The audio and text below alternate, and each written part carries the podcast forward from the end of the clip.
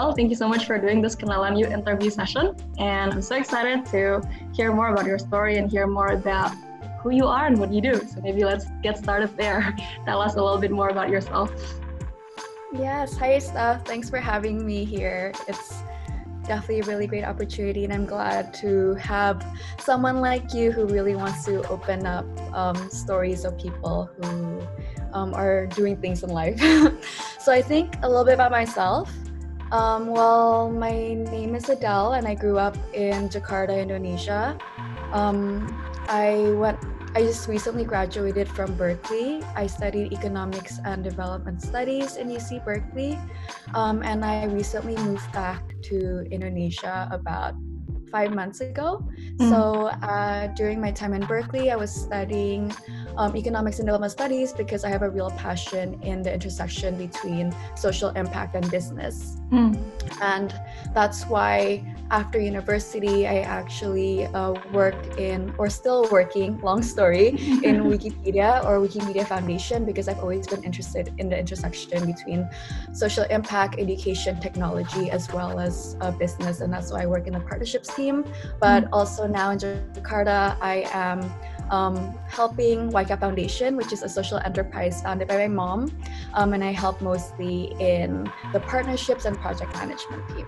Mm, that definitely sounds like a lot. um, I, but I mean, like, let's delve deeper into, you know, what keeps you up at night? Like, what's something, why are you doing all of these things? Because it must be tiring. so why are you doing it? Yeah, good question. You know, motivation, right? I think that's yes. the one thing that people always ask, like, what motivates you? Uh, what made you, what's the reason behind, you know, the work that you do? And I think that is so important because I think for any work to be sustaining, for any work to be lasting and impactful, you have to start with the why, the purpose, mm. you know, or not you're just gonna burn yourself out and you're gonna stop halfway. Um, so I've been really thinking about this. And so I think what I realized is that the work that I'm doing, I'm so blessed I could do the work because it's so aligned with my passions and it's so aligned with what I love. And when I look back, there's three reasons why I am in this space that I am. And I think when I boil it down, number one, it's my upbringing in Jakarta. You know, early on in my childhood, I was already made aware of the inequality of my nation, inequality in my city. Mm-hmm. Um, even if you go down the street, you know, you can see grand malls next to like slum areas. Mm. And so I think that was very evident to me and really opened my eyes. But I think I was very blessed because I was placed in my family, which is my second reason, uh, where my family, my mom founded YCAB when she was 26. So I was two years old when she started in the nonprofit social enterprise work. And she was always inviting me to join her to go down the field. She always invited me to, um, we have a campaign, namanya Light Light Up Indonesia. And so we would go down to Bundaran HI passing out flyers to cars for hours. And so I think that exposure really, you know, made me realize the importance of helping people and the encounter with these women and these beneficiaries of YCAB at that time and how they're like so thankful to me. You know, like, oh my gosh, I heard you're like Veronica's daughter. Thank you so much. Even though I've done nothing, but I realized how our help really transforms their lives. Mm-hmm. And so I thought I saw it first place gitu of how a real change can actually um, can actually happen in Indonesia. Mm-hmm. And I think it's not only my mom, it's also my dad. You know, he goes, he comes from the business world. And so I think I am literally in a position where I see their marriage as the epitome of social entrepreneurship, right? like my mom in the nonprofit world, my dad in the business, and I see them harmonize together and work together uh, to create even bigger change. And I want to bring that out in Indonesia. Kayak gimana sih we actually bring together those two worlds that are usually mutually exclusive mm-hmm. and bring them together so we can actually um, help millions or thousands of people in Indonesia. But I think those two things, you know, my upbringing and my family is what triggered me, what made me really excited about this, made me want to study it. Tapi I think, you know, when people ask me what drives me, I think the one thing that drives me um, is more, is deeper. It's a deeper element than that. So I think something that will sustain, you know, work is mm. when you have a belief that this is what you are made up made for you know this sense of faith mm. in god because for me I think what really ignites my spirit is seeing each and every one of people, regardless of their background, and identifying and realizing that they're all made in God's image. And I think that is what is going to drive me for the future because I think um, worldly things will definitely yeah, burn me out. But be having that fire that's more eternal, you know, mm-hmm. will definitely, hopefully, um, drive me until the very end. Interesting. So maybe take me back a little bit. How is it like transitioning from a you know higher education environment to being in the nitty gritty of things here in Indonesia with all of the changes that ha- that's happening here. How like what goes according to your plan and what's like very different from what you what you had expected in the beginning. You Just, um, the pandemic was definitely not my plan. I got back like five months ago, kan, and so definitely that was not in my plan at all. It wasn't in anyone's plan. Um, I think yes, I think the transition between the academic world versus real world in Indonesia, working mm. world Indonesia, um, was a huge difference, and it was something that I was really scared of. Um, I loved school. I absolutely like. I am a student at heart. Yeah, dulu this side story ya, tapi kayak when I was in grade grade four, grade three, I found my diary, and it actually says, um, "Tomorrow I'm going to school, and I love it so much. I can't wait to go to school. I love my teachers. I wanted to be a teacher when I was small because I just adored my teachers, you know. and so, Kia, can you imagine? Kia, 20 years I spent in the academic institution, and I loved it. And then right before graduation, I was just so afraid. I was like, I don't know what to do if there's no assignments, if there's no work, if there's no teachers, if there's no guidance, right? Um, but then I think what I realized is that my fear is really obsolete and usually the fear is only in your mind because i realized that this is when the real learning actually begins mm. this is when you know you actually meet the greatest teachers that are not formally a teacher but they are just role models in your life and so i think i've been very um, i've been very lucky because i think unlike a lot of people that I know, my friends struggle with the transition. I think my transition has been very smooth um, because I just see like every opportunity as a way to learn and to grow. And one of the reasons why I left SF, um, yeah, why I left SF was because I didn't feel challenged anymore in SF. I felt mm. like I mm. wasn't growing in SF anymore, professionally, personally, um, in my experiences. I got too comfortable. You know, you live in US, you know exactly what that means. Yeah, you know, you go you end up like living for yourself a lot. And so going to Indonesia, um, the workplace was definitely challenging. Number one, you know, language barrier. God help me with that. Um, but number two, even the culture of like being able to dialogue with one another, being able to build relationships, being able to build trust. Mm. Um, tapi I think what I realized is like as long as you stay authentic, as long as you stay um, humble in everything you do. Um, people might have reservations against you in the beginning, tapi I really believe that truth and your character will shine at the end of it. So mm. it's been it's been fun. It's been definitely challenging. No no no question about that. But it's been something that I've been enjoying. Do you have any tips maybe for people who are currently, you know, freshly graduated and kind of still wondering where they need to be in this life? or maybe yes. those who are still in high school and trying to find their own path. What do you think worked for you and what do you think will work for people? yes, no, I love this question because I think it's something I really struggled with and I think we're constantly struggling with this, right? Because I mm. feel like in this world today, somehow our identity is so tied with what we do. And so we get so stressed out with our career and our professional world um, and especially during my university years. Lucy, when I was in high school, maybe there's more ambitious high school people who you know cares already about their life. When I was in high school, I just cared about my university. When I was in university, I cared about my whole life, right? Um, I was very short-sighted. But after university, looking into the future, um, I was really scared of the uncertainty of what it, um, what it could, you know, what it brings, right? And so I think the advice I would give people is number one, there is no one size fit all for this life. Mm. I think during the time in uh, Berkeley, I fell into the trap into thinking that there's this one path to life. There's this one path of success, mm. and um, in different universities, in different locations, that might be that might look differently. For me, it was like the ABCs is where you get success. And no, um, definitely no. I definitely commend my friends who are in that path, mm. um, because some of them are called for that. But I think I was trying to mold myself and change my shape into becoming, you know, the person who the society deems as successful. Mm-hmm. And so I think the challenge I would have or the advice I would have to everybody who's struggling with this is that everybody else is also confused and it's perfectly okay to not mm-hmm. know. You know? And so thrive in the uncertainty and also really embrace everything that you have. I think I read a book and I love how it says every single person has a unique shape. And it was an mm. acronym S H A P E. S is spiritual abilities. H is heart, your passion, what do you actually love. Mm. A is your abilities, your strengths. You know, is it math? Is it science? Is it humanities?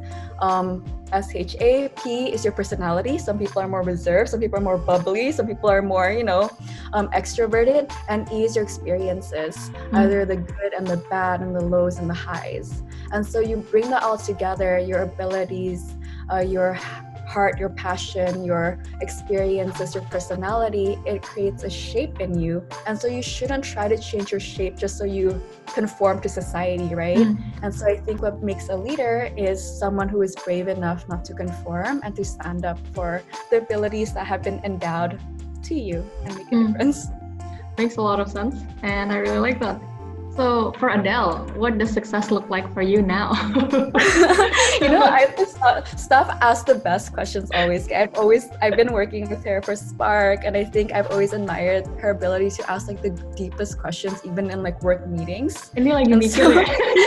Jadi stalling dulu. Iya, I can't multitask, so I'm just admiring you. Um, what does success look like to me? Good question.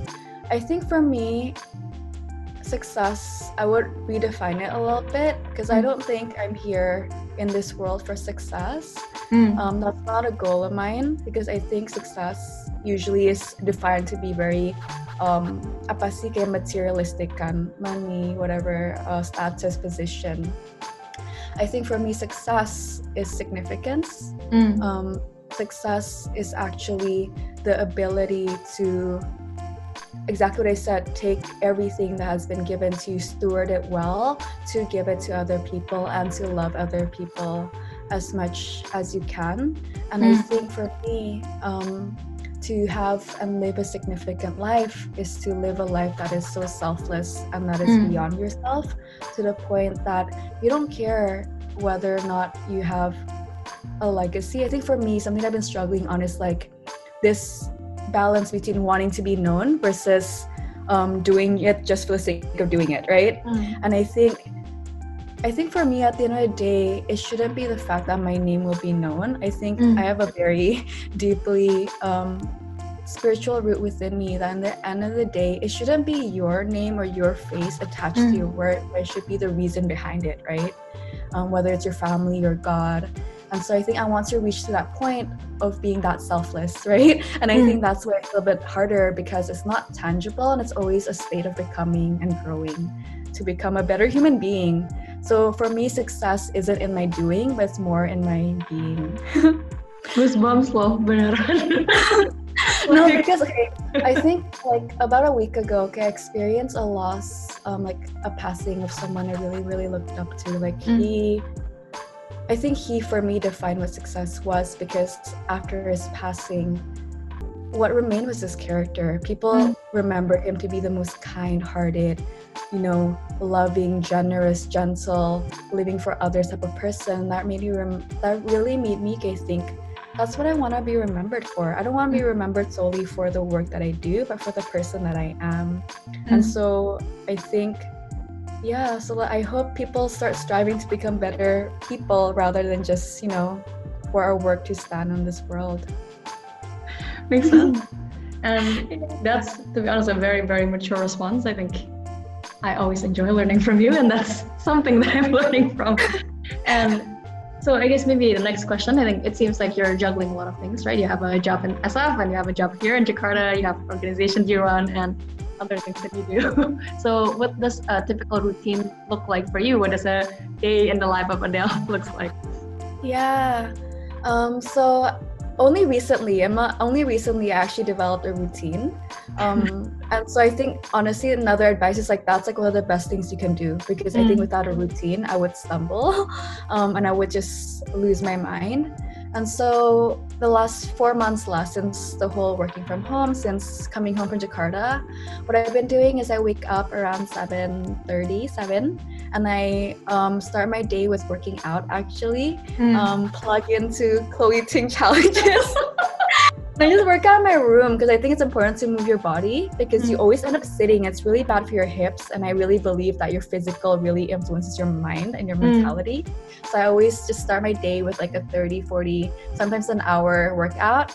And then I always leave time for devotions and for prayer because I think for me, um, that is what gives me fuel and that's what mm. gives me, you know, motivation to remind myself why I'm doing the reason, of the things that I'm doing. Um, and then I do a quick shower and then quick shower, I shower.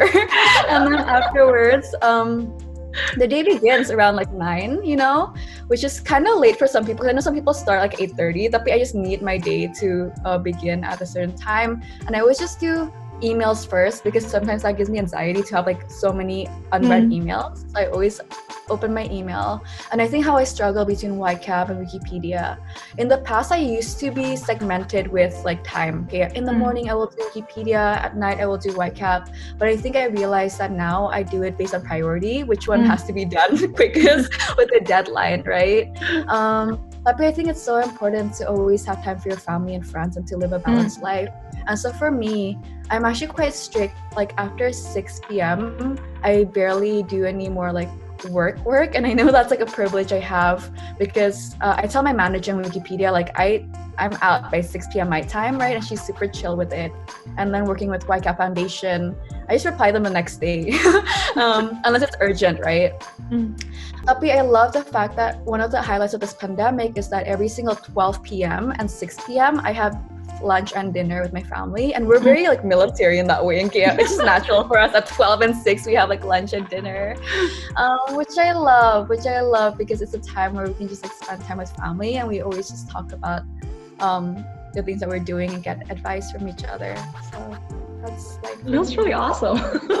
Yeah and I think for me to know stuff okay, my personality type I'm an ESTJ kan well it changed a little bit tapi usually ESTJ and, and I'm the strongest J. I'm the type that I have to like have a to-do list hour by hour.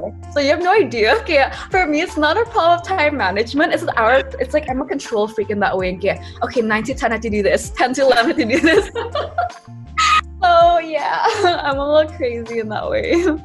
That would be amazing because because I mean like sometimes kind of when you want to work and you say okay 10 to 11 I'm gonna do this. But sometimes your brain doesn't start up right? So maybe do you have any tips on that? How do you start up your brain or or start up you yeah. know to get in the zone yeah that's that's so important yeah, starting up is sometimes very difficult, and that's why I do the time because whenever it's excited at 3:59, the second hits four, I'm like, okay, no more excuses.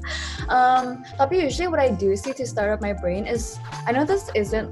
I know some people advise, okay, do the hard work first and then do the small work because you have to do the hard work too. You know, that's the most important thing. Like for me, I usually start with something that I know I can mm. just get done. So I get the mentality of accomplishing things, and then eventually. Um, I lead myself into the harder assignments. Mm. Um, tapi number two, I think set the deadlines and set the goals straight. Because if you have like an objective goal, you'll know you have to do it. If it's always like up in the air, um, you will never get yourself to do it because we're humans and we procrastinate, right? And so I think having goals and being goal oriented is um, something that has been very useful for me see to, to mm. have like a list of accomplishments that i want to accomplish every day and even like every month and then reflecting upon it. I mm. love reflecting. so like if you have time, another tip I would give is like if you have time really, I spend at least once a month to just like be introspective and look back because life just goes by. It's already June kan. And so it's nice to just know what you're up to like month by month. Mm. Benar banget sih. Is there anything that you uncovered from those reflections that surprised you? yeah. I think I love reflections and I, I write. I'm not a good writer, but good thing is just in my personal journal kan. Tapi I think it helps you understand the reasons or the meanings behind mm. certain things that happened because I think usually when something bad happens or you learn something new, um, you just you don't internalize it. It just reaches like a surface level in your mind. But then once you reflect it, you actually better understand it, and you start creating connections between something that happened to you a year ago, something that happened to you two weeks ago. So misalnya like with Light Up Indonesia, which is um, a campaign that we're running, YK Foundation, to help pay for the electricity bills of um, Indonesians during this pandemic, kayak there's just so many learning lessons that if I don't like write it down, I won't be able to remember it one for the future, mm. tapi won't be able to you know understand and take have takeaways gitu. And then I think I connected this campaign with something that happened to me like a year ago, and it made me mm. realize, okay, oh my goodness, it's a year ago. This idea, this thing has actually already been my mind. So I think to be able to make a story of your life a grander narrative is always so great, and it gives me a greater meaning to my life because I think life is your narrative, right? And then the more you can better understand it of what your great design is, the more you feel you have more purpose in this life. So let's talk about Light Up Indonesia. I think um, it was also the birthday campaign that you did, right? The fundraising campaign. so maybe um, tell us a little bit more about that experience. Like, how was it like choosing to gift, the gift of light for others instead of giving gifts for yourselves? yeah, um, I think it was only possible, you know, from by the support of my friends and my family and even strangers. But I'm starting it with this because it's really only possible because of the encouragement mm. of my family and my friends. I think if it's up to me, I had the idea even like a month before my birthday, but then I was at the point that I was about to let fear and fear about like what people think about me, fear of failure, to actually stop me from doing this campaign on my birthday. Um, because I think something that I've been struggling with was like, oh, like something I've been always been struggling with since high school years, like, oh, how do people perceive me, right? Mm-hmm. And I think for me to like step out in faith and step out and speak for people who doesn't have a voice was actually something that took a lot of courage for me gitu. Um, and so I think it was only possible because my family and friends were just super encouraging and supportive, even before we started planning it, right? Um, and so I think we planned it about five days before my birthday. Wow. um, and I think I just decided, you know, because the reason why I thought about it even a month before is because I realized, again, going back to my earlier points, is that it's so easy to live life for ourselves. It's more mm. convenient, more comfortable, it's less challenging. And I think I was really inspired by everybody else who was going above and beyond to help other people. Like going on Instagram, people were having fundraisers for bakings, and then the profit was going to do for like COVID 19 relief. And so I think because of that, I realized that, hey, if I want to live a life like that, I have to start somewhere. And mm. I think a lot of people itu kayak always thinking I only wanna create change when I can do it in such a large scale when I have like millions of dollars and then I'll do it then. Tapi I think my mindset was like it's something that has to be trained, you know, courage, confidence, mm. giving back, generosity. And so I wanted to do it in the little things and to be faithful in the little things. Um, and taking it one step at a time. And then hopefully in the future, that will inspire other people to um, create a- action and make a difference because um, because you've you know did it to uh, you did it first gitu. Mm. So that was the whole thinking behind um, my birthday campaign. I mean, to be honest, that was really awesome because I think it was the first ever uh, surprise group WhatsApp thing that rallied people to donate to a cause. And at, at the time, we saved the Orcas, and you know, yeah. and it's kayak gimana ya? It's really amazing because I think I've never really seen anybody who's able to rally people like that before, and you know, also get other people aware of these things, and that's really super awesome. And yeah, it was fun. Like the online party, like I wasn't expecting it to be like. At least for me, I had I enjoyed it. It was a lot of hard work. By the end of it, I lost my voice a little bit because I was like emceeing for like two hours. But I love it because I love like I love the fact that my friends are so talented and I get to mm. show them off. Like that's the one thing I love doing. I'm just like, I don't have any talents to sing, to draw, whatever, but then shoving my friends forward. So that was like one of the highlights of it, celebrating other people. Yeah. I mean, okay, maybe let's talk a little bit about that. How did you come up with the party? Because you know, like most of the time, like when this is a time of crisis. Like you can't even meet your friends. How do you throw a party? And what does a party look like? So how do you innovate in a time of crisis? Yeah, how do you innovate? Um, I think one, I just identified it's a little easy because the solution comes like the problem I experience, the solution can come from me. You know, sometimes you know the problem is like felt by someone else, but we were all in this together. The consequences and the reality of it is not equal to other people mm. for sure. But I think for me, um, was that I just identified one the problem. I just felt very socially isolated. I missed my mm. friends, you know. Number two, my birthday was coming up and I wanted to do something fun that spreaded mm. positivity. Um, and number three, I observed like quote unquote the market. I know there was like a lot of live streaming going on. And so I think those three things put together, I realized, hey, I can do something very special on my birthday. Mm. Um, where I can invite my friends to join me in a Instagram live um, while you know utilizing this technological platform that's already there and everybody's using it anyways right mm. and i think the only thing that was different from mine and other live streaming was the fact that it was on my birthday and it was like a lineup you know um, and i don't know like honestly sometimes it's just like an inspiration. Mm-hmm. I don't like honestly. I think I was just like walking around. Sometimes inspiration comes to me when I'm just like walking around and not thinking. And I think that's one. That's one of the reasons why it's okay to tune out a little bit because if you're constantly doing, you don't let your brain like connect different ideas mm-hmm. together. And so it came to me like on the Monday morning and I realized I'm gonna make it like as a party and I'm also, also Coachella. Makanya kayak lineup right? Even though I've never been to Coachella but there was like the lineup and I just thought hey people can sing people can DJ and I just realized like hey I want to replicate the most ideal birthday for me and I just thought about the elements that made birthdays really meaningful. Number mm. one my family which was the first segment. Number two uh, getting ready with my best friends in my bathroom, which was like a makeup session. Mm. Number three was the whole singing and karaokeing. Um, and number four will be like the after party, right? so I think bringing that together um, yeah. and relying on everyone else. It, it, was seriously my friend who did the design. It was um, like Bali United's tech team who helped with the live streaming of Tiga thingy. So really, mm. I think one of the biggest lessons from there was collaboration is so key to make anything happen. Mm. And what would you say is the like recipe for a good collaboration? Because I think that word is thrown a lot nowadays. Everybody's collaborating yeah. good. I think this is like honestly, someone can ask me like ask me like what's the biggest you know learning lessons you've had since the pandemic season was definitely collaboration partnership because light up indonesia was developed in two weeks and it was all collaboration like mm. it was it will not be possible without the help and partners that we have my birthday in a smaller smaller scale was all collaboration juga and I think how I would define collaboration, I would like create a more successful collaboration is number one, having a vision that mm. people can quickly latch onto. I think if you have a vision that's so clear and people can just see it, once you propose it to someone, people will just immediately want to help you.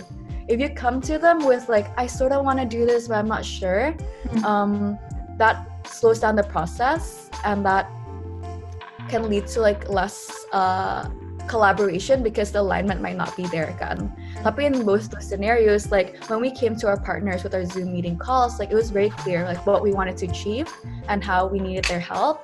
And then we also opened up the um, opportunity for them to be creative and to you know uh, lead on their own. And I think it's super interesting kemarin my brother just bilang if you want to empower people don't give them tasks mm. but give them goals and i think when you give them goals it opens up for their innovation and creativity mm. and i think that's what happens with their partners because literally yeah, micromanaging isn't something that will lead to great partnerships because each single partner brings a completely different talent to their um, to their table kan okay one mm. could be communications and media the other one could be um, tech you know another one could be government. So understanding and being very humble of your own limitations and then letting them yeah, own their own space.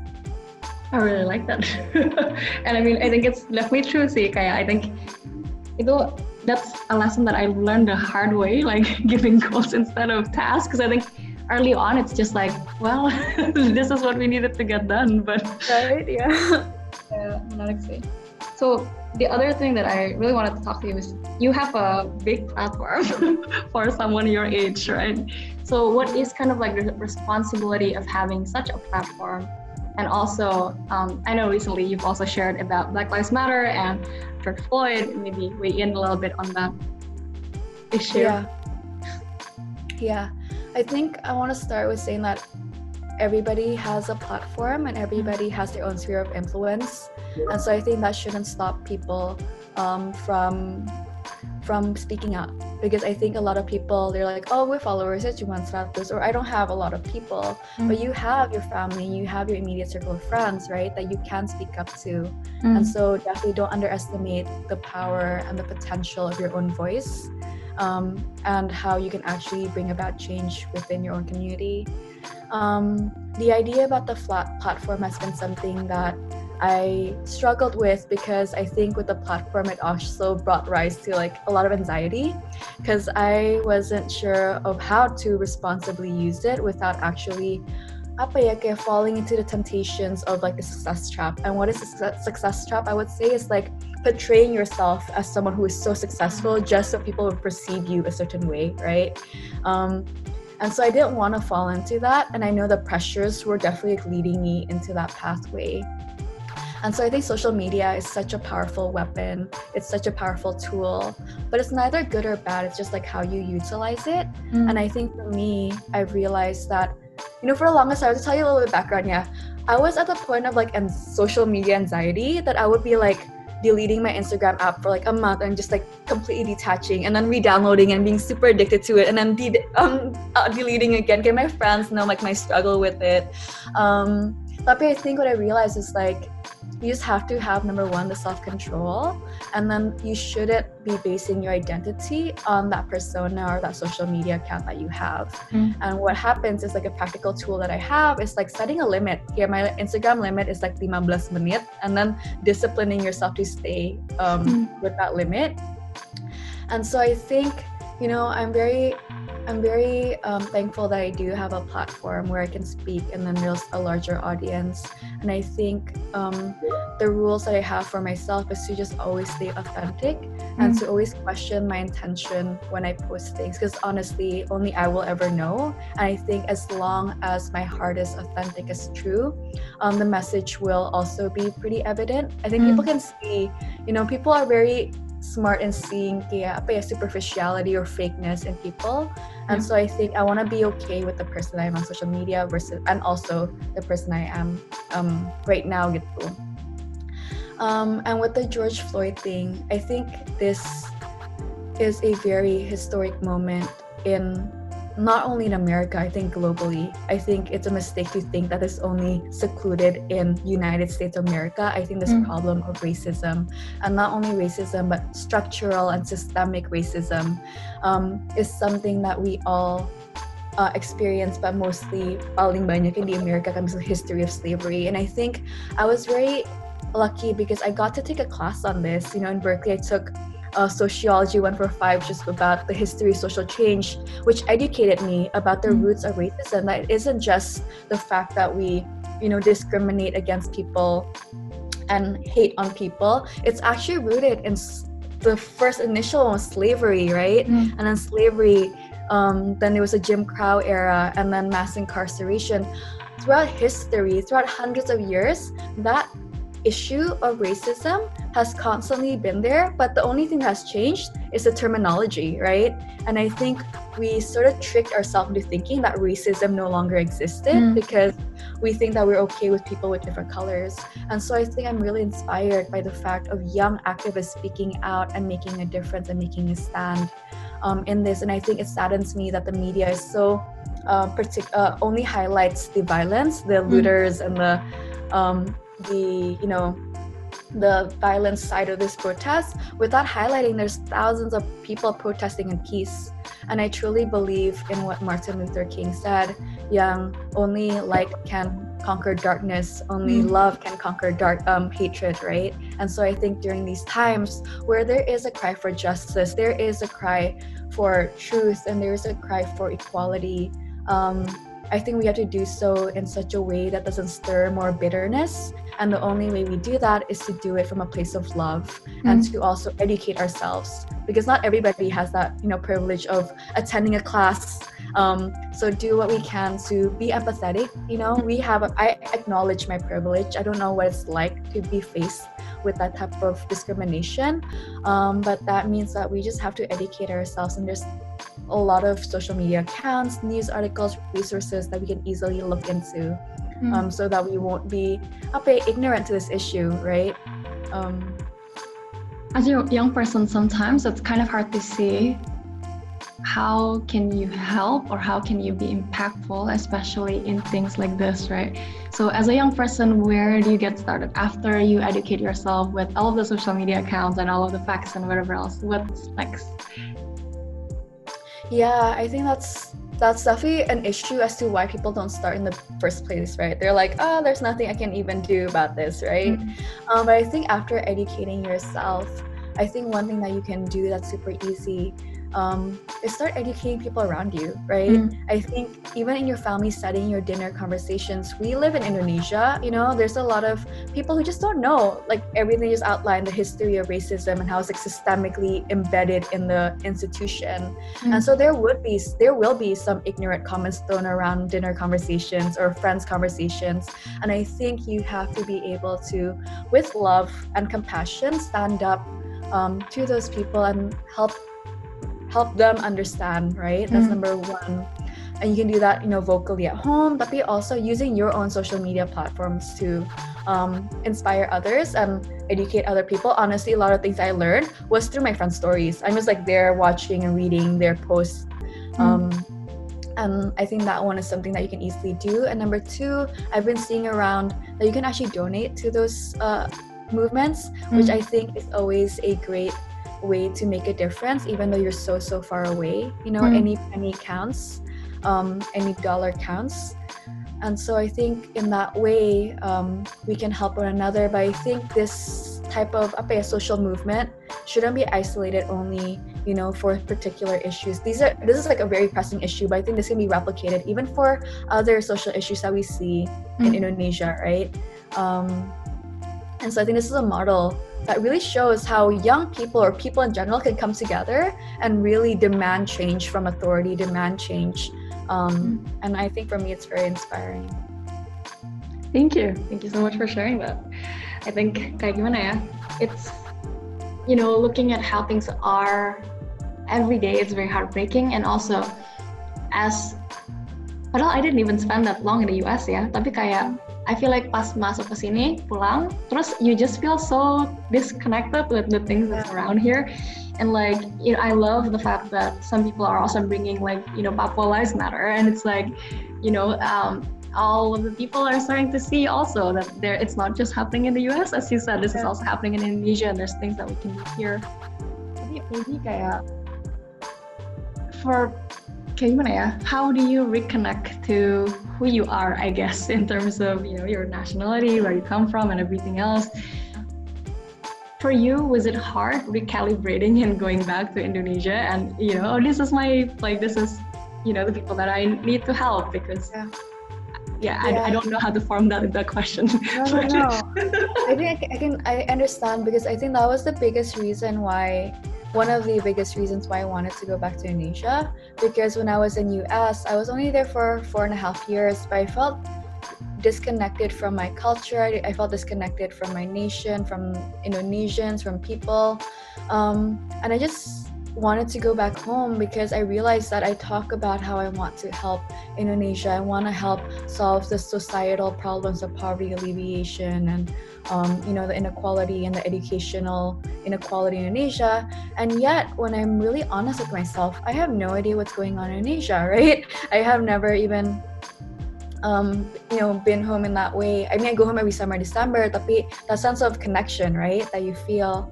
And so when I come back, when I came back home, I think I made it a point to um, really immerse myself into, you know, the culture and the people. And I think that was something that was diff- that was something that could be challenging because it does require humility. You know, you come um, from US educated, you know, your background is US educated, you probably diverse in English language for the last four years, you read, you thought in English gitu. Your all your, you know, culture and social media was, you know, US based or Western based. And to come back home, to be honest, yeah, there are sometimes I feel like still disconnected, unsure, kayak, oh gue gak connect nih gitu. Tapi I think you have to just be patient with yourself, right? Um, and I think I'm very lucky that my um, surroundings are very patient with me in the sense that they understand that I came from a different background, in the sense that you know I was educated in a different country. Tapi I think that um, apa ya that humility to always learn and to always grow and to learn from other people and to learn from Indonesians who lived in Indonesia for the rest of the year, for their whole life kan um, yeah. is always something that I find very valuable. Kayak misalnya in YCAB right now, um, I think you know that itself is one example because a lot of the YCABers um, didn't wasn't U.S. educated. They didn't you know spend years living in U.S. and so being able to build a relationship with them is something that is I think very important for me. Um, and so I think in that way I think that's how you start reconnecting with your nationality, your cultures. Number mm. one, connecting with the people, right? And don't be so like stuck up into thinking that you're on a different level. Mm. When I think somehow they have a way better understanding of your country, and so you have to um, work together and put your brains together, and yeah, and just collaborate in that way you know, fun fact. read the news. I think for me, reading the news has been difficult because mm. um, something about Indonesian news, they just like singkatin everything. Like seriously, like every single thing they singkatin, and then it takes a lot. And I think the humility to ask questions. Okay, honestly, like I asked my parents, okay, what does this mean? What does that mean? What does this mean? What does that mean? And I think that process of always learning has been one of the key thing in my life the Indo right now. Mm. And being brave enough, I think, to ask yeah. and to to converse. Mm-hmm. I really like that. You know, one thing that I really respect about you when um, you took me to YCAB, itu you remembered everyone's names, you remembered everyone's stories, and I think it really just goes to show of what kind of person you are and how much you care. And I really, really respect it. I think you know, when you were saying that you know, in order for us to be connected, we need to connect with people. I think I really, really see that in you. So I think I just want to that. It was it was it was pretty difficult because I'm not very good at names, and so what I did I was like literally drew seating charts and then I would just study them. Tapi kayak that's really awesome, you know. I think kayak for a lot of people it's just like I mean, I, I'm also guilty of this sometimes. Kayak ketemu orang, mukanya tuh gue ingat, tapi gue gak ingat namanya. So I'm just like, oh, yeah. oh hey, like and then hope that it comes up in conversation. I know sometimes yes, it's the worst. But I think it's the one thing that people it's a very small thing, but it makes a huge impression to people. Okay, um, yeah, I think going back to like Ravi, like that's the one thing Ravi Zacharias who passed away two weeks ago. That's the one thing I remembered about him. He would always call people by name, even though mm. he hasn't seen you in like years, you know, mm. and he would know your stories. And I think it wasn't him like apa ya kayak wanting to show him to be someone else because he just genuinely cared about you, right? Yeah. I think that authenticity um, goes a long way during this life. I agree, and that's definitely awesome. So, in your opinion, and this is kind of definitely different from what we've talked about so far, but in your opinion, what skills are necessary, um, both hard skills and soft skills, for someone to be in a leadership position? you should go to our webinar later at Spark. Promo Spark dikit dong. Um, leadership. Yes. Okay. I think I'm gonna start with soft skills because I think um, being a leader takes more of character than it does with the technical skills of mm. being able to do business analytics and you know Excel and everything. I think when I look back to the skills required for being a leader, um, the one thing that really pops up to me, and I know it's been said a lot, is the ability to be a servant. Mm. And I think what that requires is deep humility. Mm. Um, it requires deep empathy and it requires confidence without arrogance. I think that's very key. Um, and it requires being able to trust other people mm. uh, with the responsibilities and the goals that you have set before them. I think when I look into the leaders that I admire, it's uh, my parents, right? and I think I'm very lucky that my role models are my parents and my mm-hmm. mentors, mm-hmm. my parents. And I think both my parents have great leadership traits. Uh, my mom is a visionary, right? She's a visionary.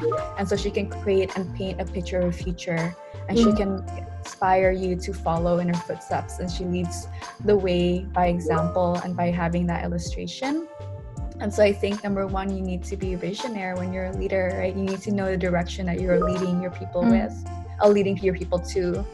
Um, and number two, uh, for my dad, one of the things that I really admire about him is his deep, deep humility. I think, you know, one of the things, I don't remember how they put it, but a leader is someone who um, actually stands in the back and pushes and apa ya kayak leads people. Tapi in a way that people actually think that they're doing it for themselves but mm. it's actually you know the leader who has been the one who's supporting them encouraging them.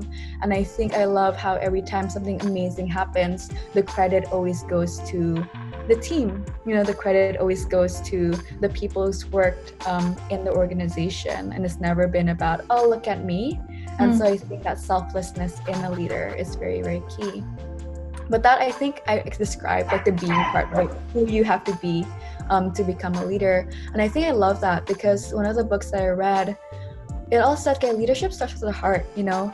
You have to lead with the heart and that means you have to be able there has to be a transformation in your heart okay? If you go back to the you go back to the bible um before saul was king you know it says God transformed his heart and then he became and had this position. And I think that's like one of the things that I think of. Okay, I think ultimately things have to happen your heart first, and then you can lead with a lot of dignity gitu. Um, yeah, and a leadership role is tough, you know. And I think we're all, you know, in our own sphere of influence, we're leaders in one way or the other.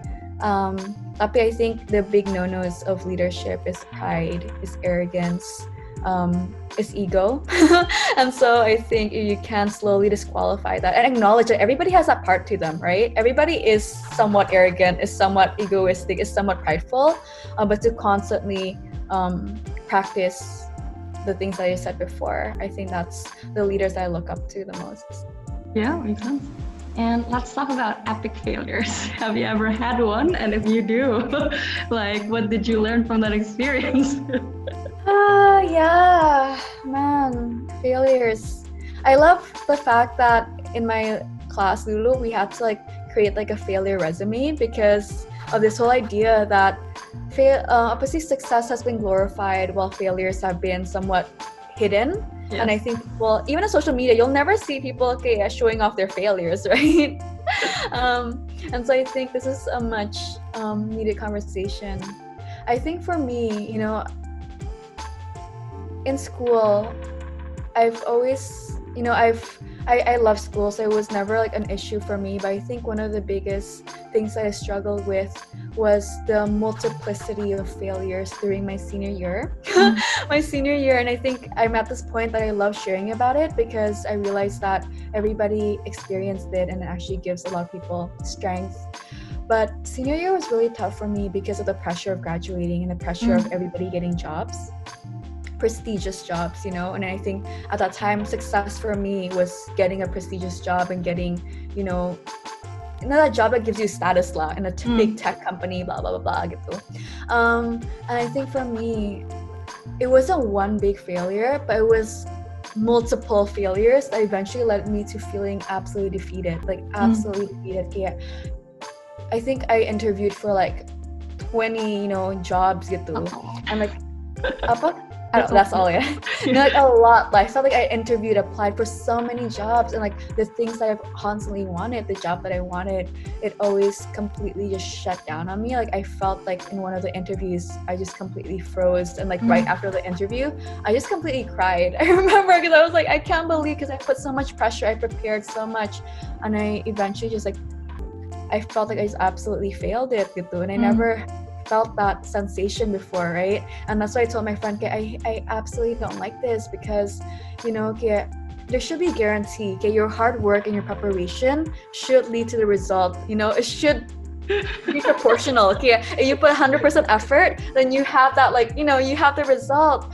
Um, and that doesn't happen that way sometimes. You know, you can plant seeds, you can you know you can water, and sometimes it just doesn't grow. And I think for me to deal with rejection was so hard for me. It was absolutely very hard for me, and I think how I overcame that um, series of failures in the context that all my friends were all getting jobs, that all my friends were mm. landing kaya, I don't know, kaya amazing. And I'm happy for them, right? Tapi in that context, relative to me, I was in the bottom. Um, I think what it taught me was the power of relying in other people. I think during that time I couldn't be able to um, apa sih kayak go through that failure alone. I remember it was the encouragements of my friends that really uplifted my spirits. Um, I think one of my friends' text was like, "Hey, don't worry, kayak a disappointment is just a disappointment." Um, but it will lead to a reappointment or something greater, right? Ah, I like that. um, and so I think number one, reliance of friends, and number two, reliance on God was a huge, you know, problem, a huge, opposite learning lesson for me.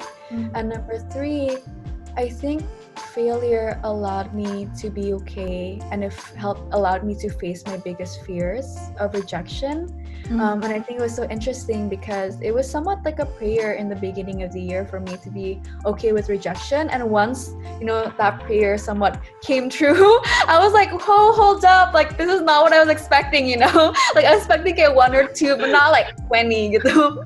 um, and so i think it just led me to thinking hey failure is not the end. As mm. long as you learn from your failures, you would actually grow from it. And I think I would fail again, you know, from that experience. I would I wouldn't change anything because it be, it made me the person I am. It made me more, more resilient. It gave me a fighting spirit, and it gave me that tenacity in life.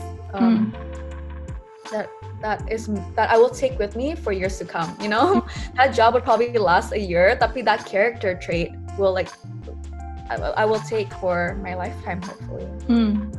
Is there a healthier way to deal with rejections now that you know that this is just a part of the process? yeah, yeah, for sure. My rejection is tough, you know, rejections of a loved one, rejection of jobs, rejection of universities, rejection of anything, your dreams. Um, I think a healthier way you know there's there's plenty of unhealthy ways to deal with it but a healthy way i think that i dealt with rejection was definitely number one um, allowing yourself to feel mm. i think some people like once they reject it they just want to like void it or cut it off their life and they forget about it and they suppress it right mm. but i think for me it was a process of like allowing me and immersing myself in that feeling. It was in one of my favorite books, Tuesdays with Morrie. Mm. Um, it just says that for you to be able to fully let go of an emotion, mm. you have to first feel it. And so I think the first one is just being okay with it, right? Acknowledging, okay, hey, I failed. Gitu. Hey, I got rejected. That's crazy, but hey, I got rejected. uh, and number two, not dealing with it by yourself the second you isolate yourself, and I really isolated myself. The first five times, I think I just like isolated myself. I didn't want to meet anyone. I didn't want to talk to anyone. Mm. But then I think if you open up just to one or two people that you trust, you will realize that even in the opening up process, it actually heals you. Mm. And then number two, you realize that your friends love you despite your rejection like that doesn't even matter to them you know and so I think that's in itself was a healing process for me. Gue tuh sampai kayak watch YouTube videos how to deal with my mind because my mind was a very toxic place. And it was then I realized kayak to bring your thought into the realm of reality which is this dimension it actually weakens your thought and so I think that was one of the biggest tip I could give to anyone. Yeah, say it out loud to people. And when you actually tell a story, it actually creates structure into your thinking and it actually creates meaning into your thinking, which helps with the healing process you get. And number three, after that, okay, you have to be able to step out again and mm-hmm. try again. I think a lot of people just want to give up. But I think ya was Winston Churchill deh yang bilang in World War II ini bilang never ever ever ever ever never never never never give up. Gitu he said it like five times you know? And that just shows there's an emphasis in that like don't ever give up. Um, and a apa sih a stumbling block isn't the end of it right? It could mm. actually help you to become a better person to prepare you for something bigger. Yeah for sure for sure. Um, so maybe let's talk a little bit in terms of your passion and intersectionality of education, business, and impact. How did it came to be? And also maybe along that note, kayak what does it mean in reality? yeah, yeah, yeah, yeah. so how did it come to be first? Yeah. So I think I think we touched on it. I think it's just like my upbringing, my family, seeing my parents. Mm. Um, but I think in life you have certain defining moments, right? And I think when I look back, there are certain moments that definitely shaped my narrative in my life. Gitu. I think the first one was grade six community service project. Mm. Um, it was PYP exhibition. If you remember it, you had to do like an exhibition gun. And then I remember that year the theme was education, the umbrella theme was education, and we had to do projects under that theme. I chose poverty. Mm. I went up to Miss Johanna, my grade six home teacher, homeroom teacher, love her. Um, and I was like, Miss Johanna, I know what I want to do for a PYP exhibition. I want to solve poverty. and then she looked at me and she was like, oh, little girl, like you have no idea what you're talking about. You don't even know the complexity of poverty. For me, I was like, ah, it's easy, gitu kan. I was grade six, I was 12 years old. Um, she said, hey, like try to narrow it down. Okay, what does that even mean? And so I got into the web, the internet. I browsed it and then I stumbled upon like microfinance. Mm. And I think after that moment, I invited my mom to join my community service project to like interview the Ibu Ibu. And then that's when she got the idea of microfinance for YCAB. Mm. And so I think from the beginning, I was that's always awesome. yeah. Wow. That's, oh, and that's also why I love that's a big learning lesson. Like my mom listened to a 12 year old. Like imagine that humility, okay? So I think that's why I stress on humility. Like you can learn from anyone. You can learn from like a 12 year old. You can learn from like yeah, so that's like a testament to her, not a testament to me. I just like Google things. Okay? I was like, Mom, what's microfinance? And she was like, What's microfinance? and that was uh, that was 10 years ago kan. So emang zamannya pas Grameen Bank and Muhammad Yunus um, mm it was the momentum was just there. Okay, it was like when it was on the rise. Um, so I think that was the early on my interest in education, financial inclusion, because that's what YCAB stands for. And then going into university, another defining moment for me was when I got a chance to do summer abroad in Geneva. Mm. And that was when I did a course on business and innovation for sustainability. And I think to this day, I would say that course completely changed my mind because I think for the longest time, I thought that change could only happen in nonprofit world, in mm. charity, in civil movement. Um, and then that summer, it was really great because I was able to learn about the role of business and not only the role of business but the leverage businesses have mm. in the society that we live in they have the capital they have the resources they have the expertise so how do we actually leverage and tap into that pool of resources already and i think that summer when i learned about business i also learned about the government um, and it was because I got the chance to intern in Kantor Staf Presiden. Um, I remember I asked my supervisor, "So what's our job here?" And she just said it with like the boldest in her statement. She was like, uh, "We are here to just help President Jokowi achieve his goals."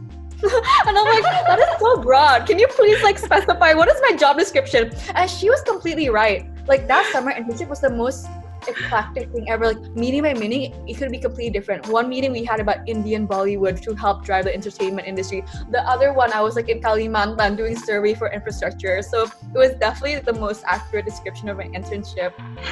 but that summer, you know, I got to realize like, hey, there's a role in business into this. Hey, there's a role to government to this. And mm. I think after the summer, I tied it all together into, hey, there's this need for this collaboration between our society, mm. between government, business, and um, nonprofits. And that's when I realized this terminology between of social entrepreneurship, right?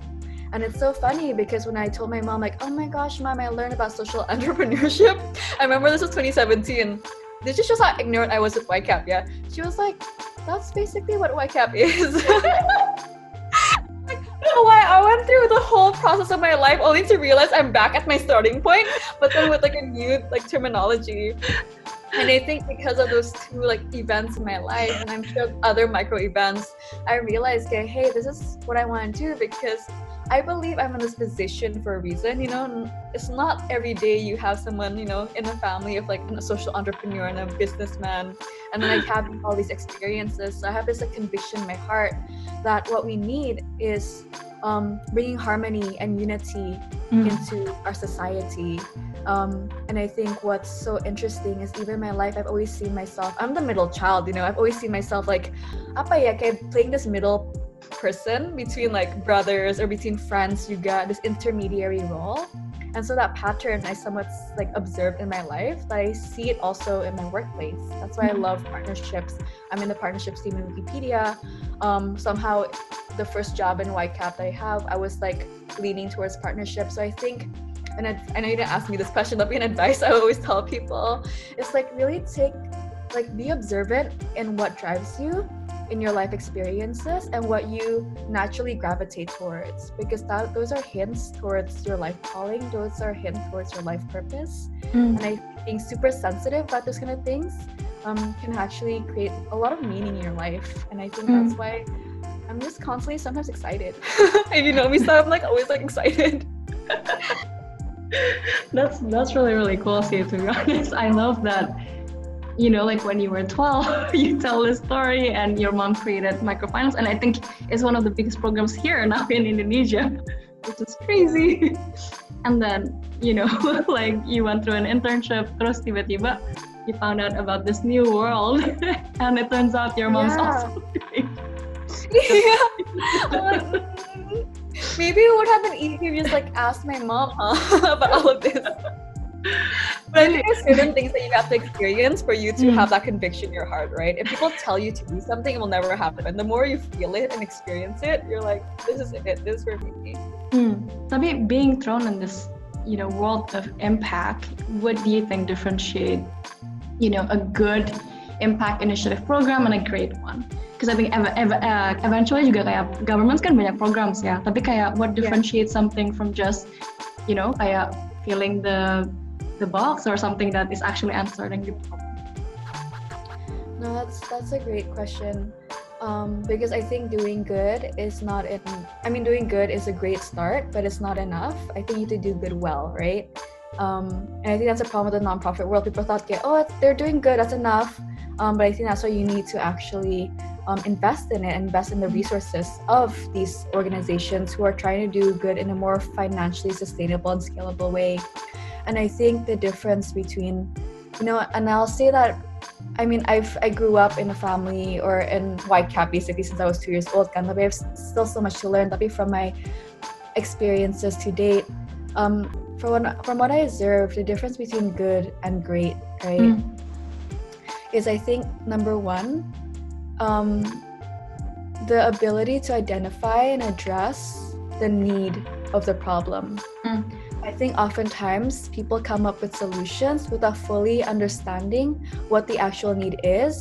And mm. people come into communities and societies already with this preconception of what is best. Like a, uh, they subscribe like mm. a medication for them without even diagnosing the issue, right? Mm. Um, and I think how ridiculous is that in the medical world? Imagine if the doctor already knows the medicine before you already even consult with him. And I think that's what tends to happen because you're so excited by your innovation that you forget to even diverse with the local communities. Mm. Um, so I think for me, number one, it starts with going down the field and spending time talking to people and understanding what their issues actually are. Kaya one of um, an organization I look up to, Namit Pala, is in uh, LA, or the founder spent two years before she started her organization mm. surveying people, trying wow. to get to the bottom of like what is it do they actually need so that the product can actually be based on needs and not based on assumptions, right? That's so that's number one. Um, number two, good and great. I think it actually um, lies in the character and the heart of the leader. Mm. I think there are often times that I look up to these organizations who are doing innovative work, but then um, I think you know the difference between good and great is that it will last. Can an mm. organization will last, or work will last throughout decades. And I think the only thing that would actually make it last is the character of the founder, or the character of the leader that is leading it. Because mm. um, I think you know you can fool people with a lot of things in the short term. um, but eventually time is the ultimate truth teller. Mm. Um, and so I believe when I look at an organization, I don't only look about how they identify problems, I always look at who is actually leading this and the heart behind it. What is their motivation to lead this? Mm. Are you wanting to create change because um, some segi apa ya pencitraan kayak oh I want to be known as like Mother Teresa, I want to be mm. known as someone, or is there actually a selfless intention behind this? Uh, that goes beyond yourself. That even if your name isn't known, that you'll be perfectly fine with it. Mm. And I mm. think that's what I really admire with my mom is because she really yeah does it self promote. like she really does it. Like I do all her self promotions. I'm like, look at my mom. She's like absolutely amazing, but she really does. And I think I really look up to those type of leaders. And you look at like Martin Luther King, so we're talking about like um the whole you know Black Lives Movement civil rights movement juga kan. I think he had the greatest humility himself. Like I don't think he's ever, you know, I mean the social media age wasn't there, but then I'm sure if he has social media, he wouldn't be up there um, self-glorifying, right? So I think it's really important for an organization to stay true to the leadership also I talk to a lot of like investors, kayak impact investors, and all of them kayak they have like I mean they have rubrics and um, apa sih kayak criteria to look at when you invest in an organization. Mm. But 10 out of 10 of them says at the end of the day of Dell, I look at the founder, you know? Mm. Um, I look at the founder's ambitions and the heart and the um, and the leadership style. All right. So I think you've already given a and lot. I think my ID style has those two things there. wow, thank you. A great leader and a great solution. okay, so I think you've already given a lot of advice, but I think, you know, specifically, I think we do need more young people in impact. So what advice would you have for people who would like to, you know, dabble into the world of impact and social entrepreneurship? Yes you can start now. That's my first one. I will definitely break the barrier of this conception that we have to wait for mm. us to do good. I think the number one impact is that you don't have to make a career out of this. Not hmm. everybody is mm. called in this pathway, but you don't have to use that that that shouldn't be an excuse as to mm. why we're not out there reaching out to other people, right? Um, so I think number one, um, embrace the little things that you can do. Mm. Um, and so that is something, you know, when you want to dabble into the impact world, um, is something that everybody can do. And number two, I think when you're looking into ways you can be more involved, maybe less so, uh, more so in the professional realm. Mm. Um, I think number two is get connected with people who um, are already in the space, right? And I think that's mm. why networks and communities are so great because um, social capital is powerful. You know, we talk about human capital, we talk about economic capital. Mm. Um, social capital moves things and drives change. And so I think, you know, the reason why people I think are really successful in the space is because they just make connections and they become friends with people. And so, uh, for people who are out there trying to figure out gimana ya, I don't know anything. Really, don't even have to know anything. Nobody knows anything, anyways. you know, the amazing thing about the impact space in Indonesia is still very nascent. Things mm. are not defined as much. You know, things are still shifting. So you can be a part in develop and in this industry. And for me, that is so exciting that you can actually see it grow and raise mm. it, raise it and develop it. Um, so connect yourself with people. Like if you don't know anyone, you can connect with me, connect with Steph, connect with Spark, which will be out there.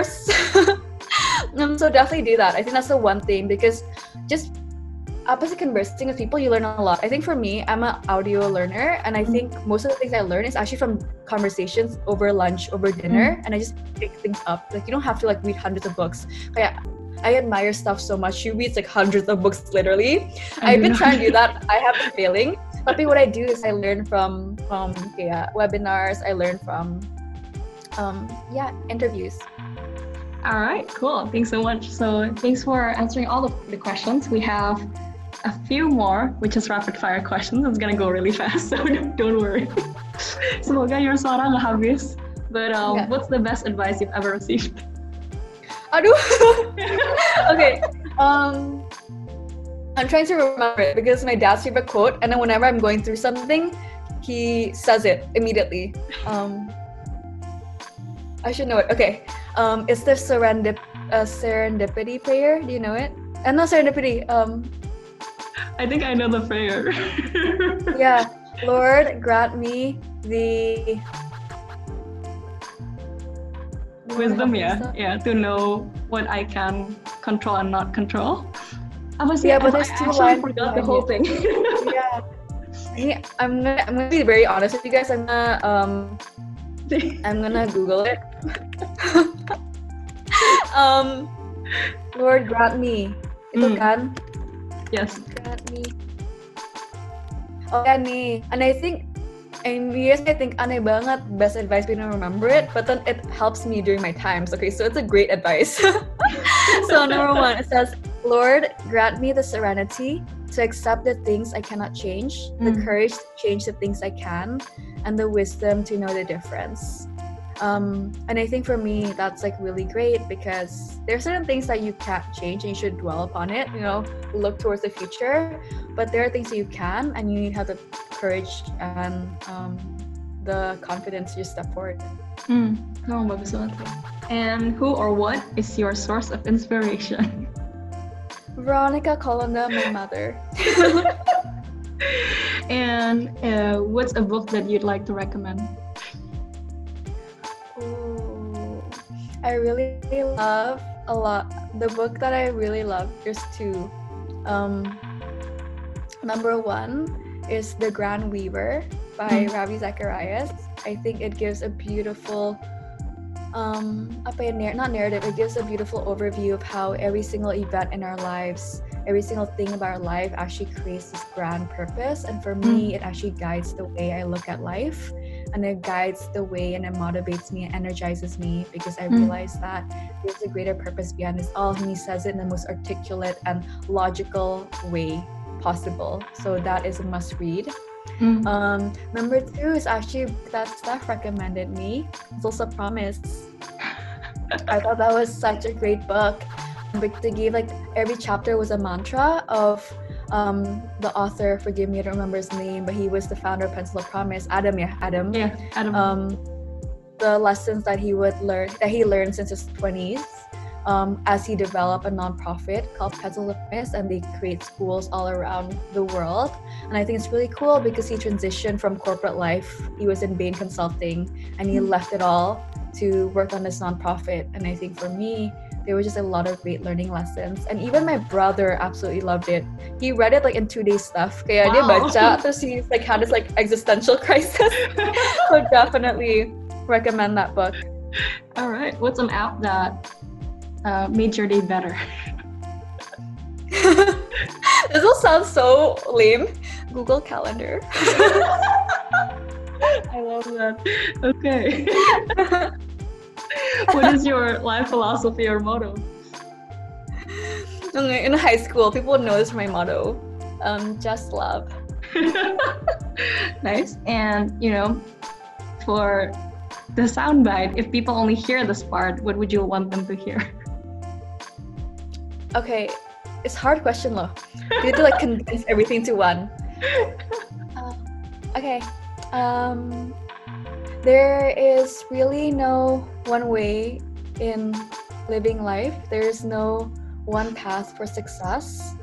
Embrace your individuality. Individuality actually means indivisible. You can't be divided. Mm. And so embrace your individuality, your diverse personalities and strengths and weaknesses. And we can all rise up to become a leader to become to make Indonesia a better place. Oh, thank you so much. Gila, thanks so much for your time. I really enjoyed our interview. I love talking to you. Thanks, Steph.